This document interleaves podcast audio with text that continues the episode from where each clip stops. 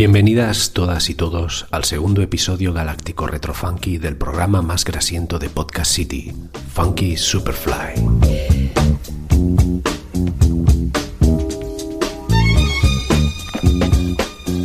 Hoy va a hacer calor, ya os lo anticipo, ya que vamos a ahondar en la figura de una diva del funk tremendamente extravagante como pocas ha tenido la historia de la humanidad.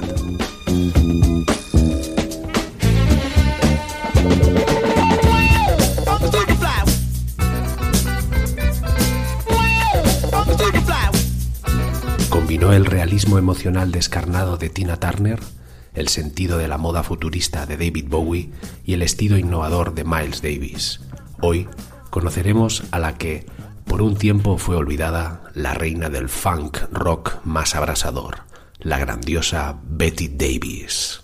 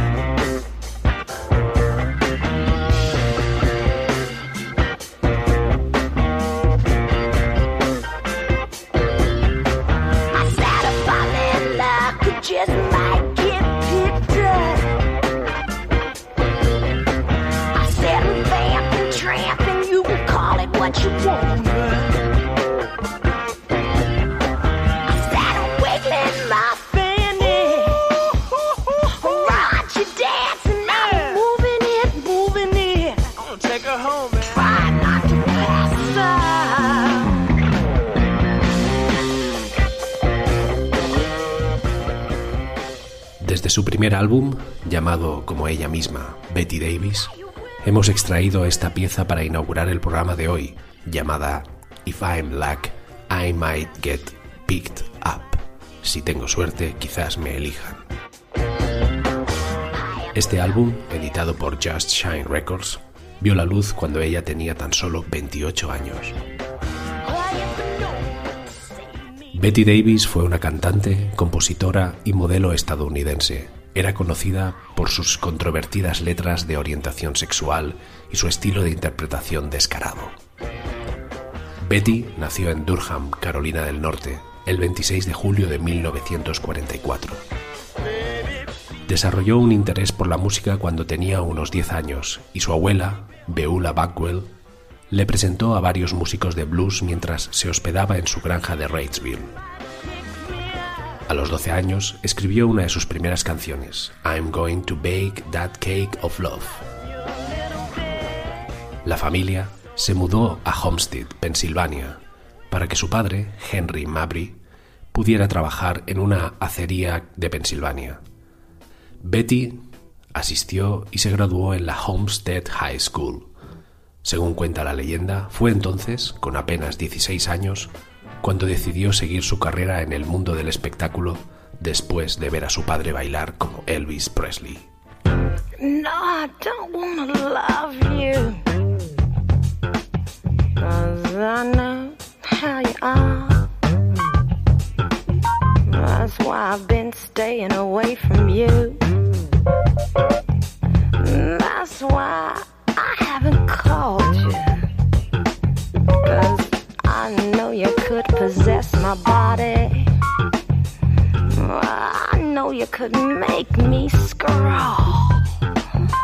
I know you could have me shaking. I know you could have me climbing walls. That's why I don't want to love you.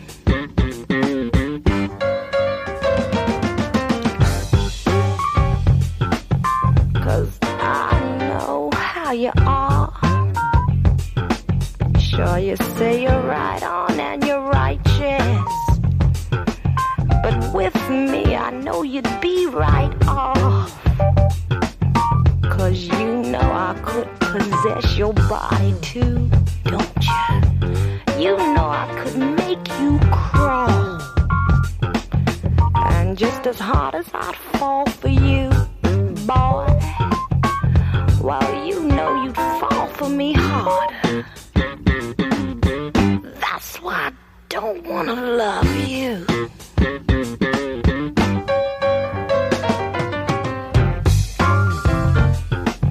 Cause I know what you do to my heart.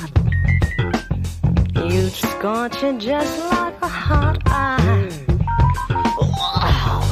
Leave me burning alone in the dark. Cause I know you could make me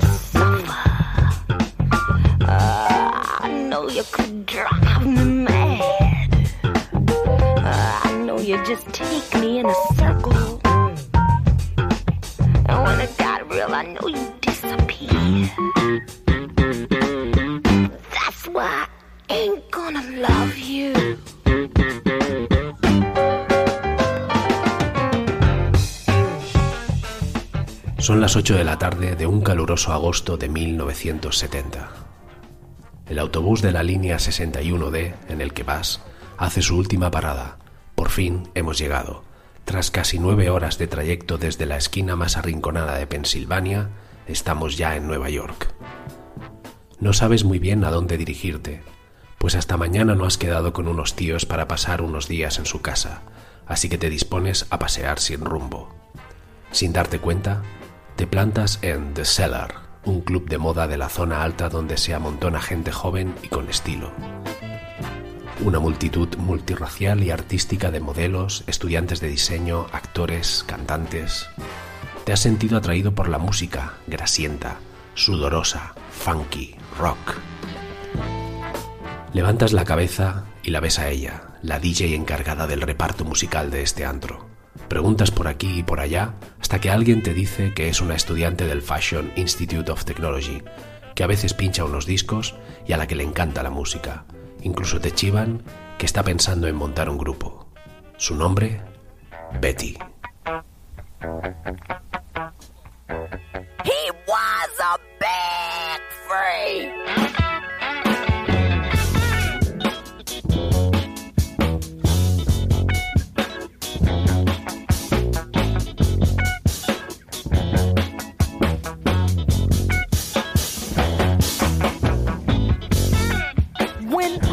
Was this woman,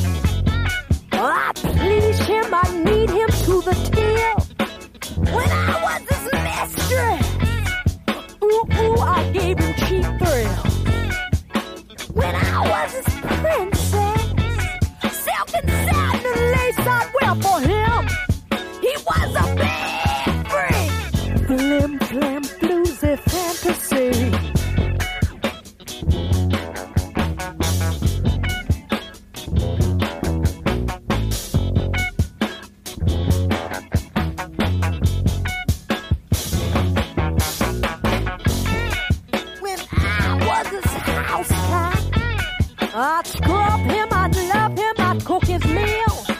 When I was his geisha, ooh, ooh, I got down, I'd hug his heels. When I was his flower, oh, I'd answer to the name of Rosie May. He was a big freak. I used to say all kinds of dirty things.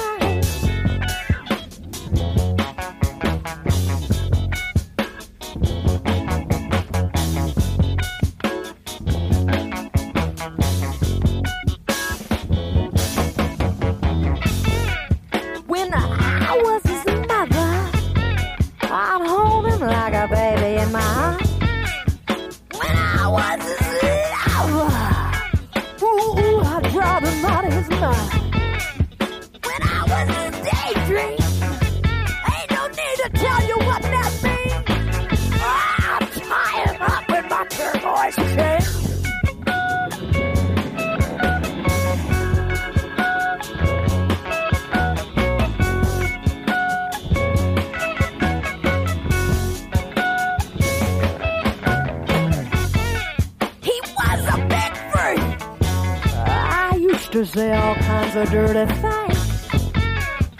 was a big freak.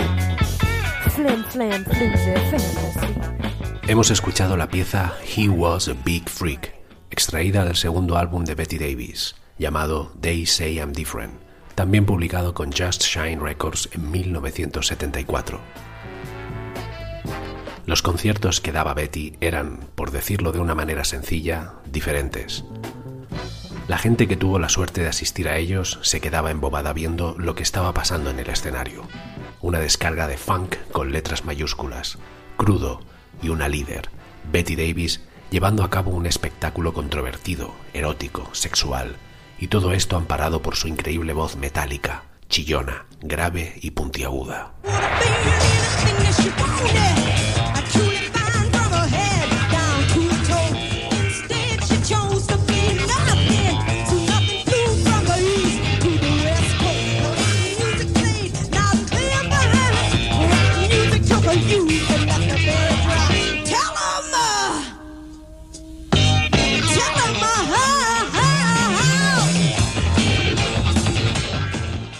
Los críticos musicales no podían apenas pestañear cuando iban a verla en directo con su banda.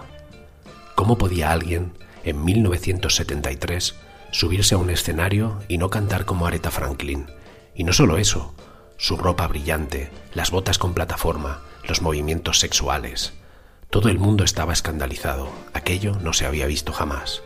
Como dijo Miles Davis, que fue su esposo entre 1968 y 1970, Betty era Madonna antes de Madonna. Betty era Prince antes de Prince.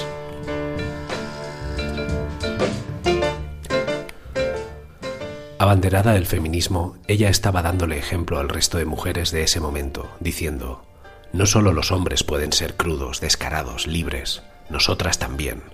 El mundo estaba acostumbrado a que la música negra fuera la música que lanzaban las grandes discográficas como Motown. Todos chicos y chicas bien vestidas, hablando de amor, de desamor, todo muy correcto. Incluso se llegó a decir que era música negra para blancos. Y con ese panorama apareció Betty Davis para contrastar y sacar de dentro de sí misma toda la crudeza, sudor, espesor y libertad que el pueblo afroamericano llevaba atada dentro de sus entrañas. Escuchamos a continuación F-U-N-K, Funk, un claro ejemplo de la firma funky grasienta de la gran Betty Davis.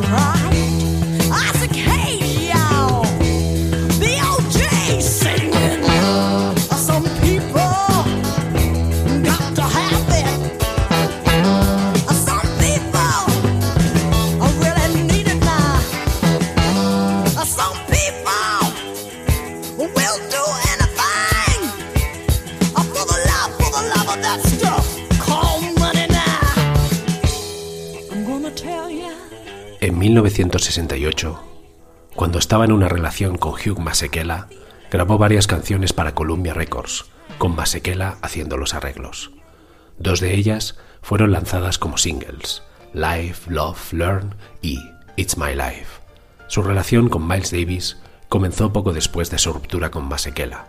Apareció en la portada del álbum de Miles Davis, Fizz de Kilimanjaro, que incluía su tributo a ella, Mademoiselle Mavry, y ella le presentó a Miles Davis el rock psicodélico y los extravagantes estilos de ropa de la época. De hecho, fue Betty Davis quien empujó a Miles Davis a dar el paso y saltar del traje y corbata y del jazz modal a la ropa colorida hippie funky y a la psicodelia del rock jazz fusión. En la primavera de 1969, Betty regresó a los estudios de la calle 52 de Columbia para grabar una serie de pistas de demostración con la producción de Miles Davis y Theo Masero. Se grabaron al menos cinco canciones durante esas sesiones, tres de las cuales eran originales de Betty. Dos de esas eran versiones de Cream y Creedence Clearwater Revival.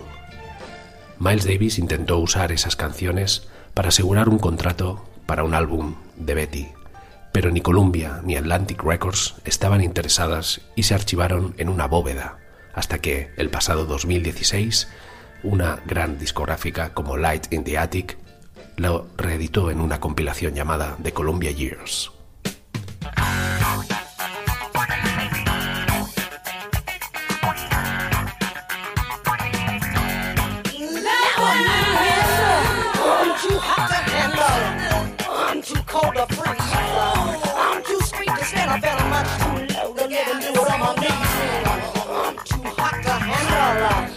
Too are the police.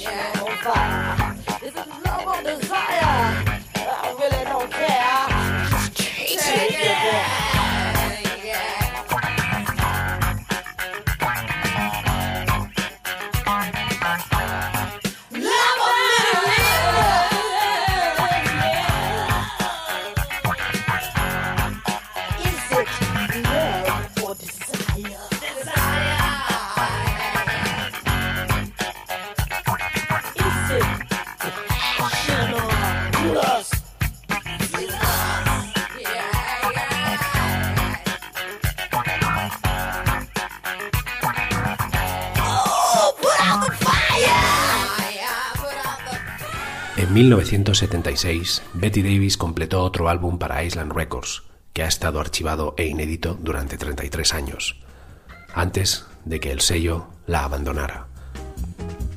Estuvo un año en Japón, pasando un tiempo con unos monjes silenciosos. En 1980, el padre de Betty Davis murió, lo que la llevó a regresar a Estados Unidos para vivir con su madre en Homestead, Pensilvania. Betty luchó para superar la muerte de su padre y la posterior enfermedad mental que eso le supuso. Reconoció que sufrió un revés en ese momento, pero eso la hizo quedarse en Homestead, aceptó el final de su carrera y vivió una vida tranquila. En 2007, Light in the Attic Records lanzó su cuarto álbum de estudio inédito grabado en 1976, retitulado Is It Love or Desire? Este contenía notas extensas y arrojaba algo de luz sobre el misterio de por qué su cuarto álbum, considerado posiblemente su mejor trabajo por los miembros de su última banda, fue archivado y permaneció durante 33 años inédito. En 2017 se estrenó un documental independiente dirigido por Phil Cox titulado Betty, They Say I'm Different, que renovó el interés por su vida y carrera musical. Cuando Phil Cox rastreó a Betty Davis, la encontró viviendo en el sótano de una casa sin internet, sin teléfono y sin coche. Phil Cox dijo, Esta no era una mujer con riquezas o lujos, ella vivía de lo esencial. Lamentablemente, Betty Davis murió de cáncer en su casa de Homestead, Pensilvania, el 9 de febrero de este 2022, a la edad de 77 años. Y hasta aquí este pequeño homenaje a Betty Davis, una de las reinas indiscutibles del funk. Gracias por haber sintonizado Funky Superfly. Nos podéis seguir en Instagram buscando Funky Superfly Podcast. Un saludo de vuestro amigo, conductor y selector, Chema Peral también conocido como Superchema. Os dejamos con la gran Betty y este demoledor tema, Get In There. Music me everywhere. Grab your eyes, don't you stop playing. Get funky like a skunk. Do you hear what Brad is saying? Play anything that you wanna, long as you get down, down, down,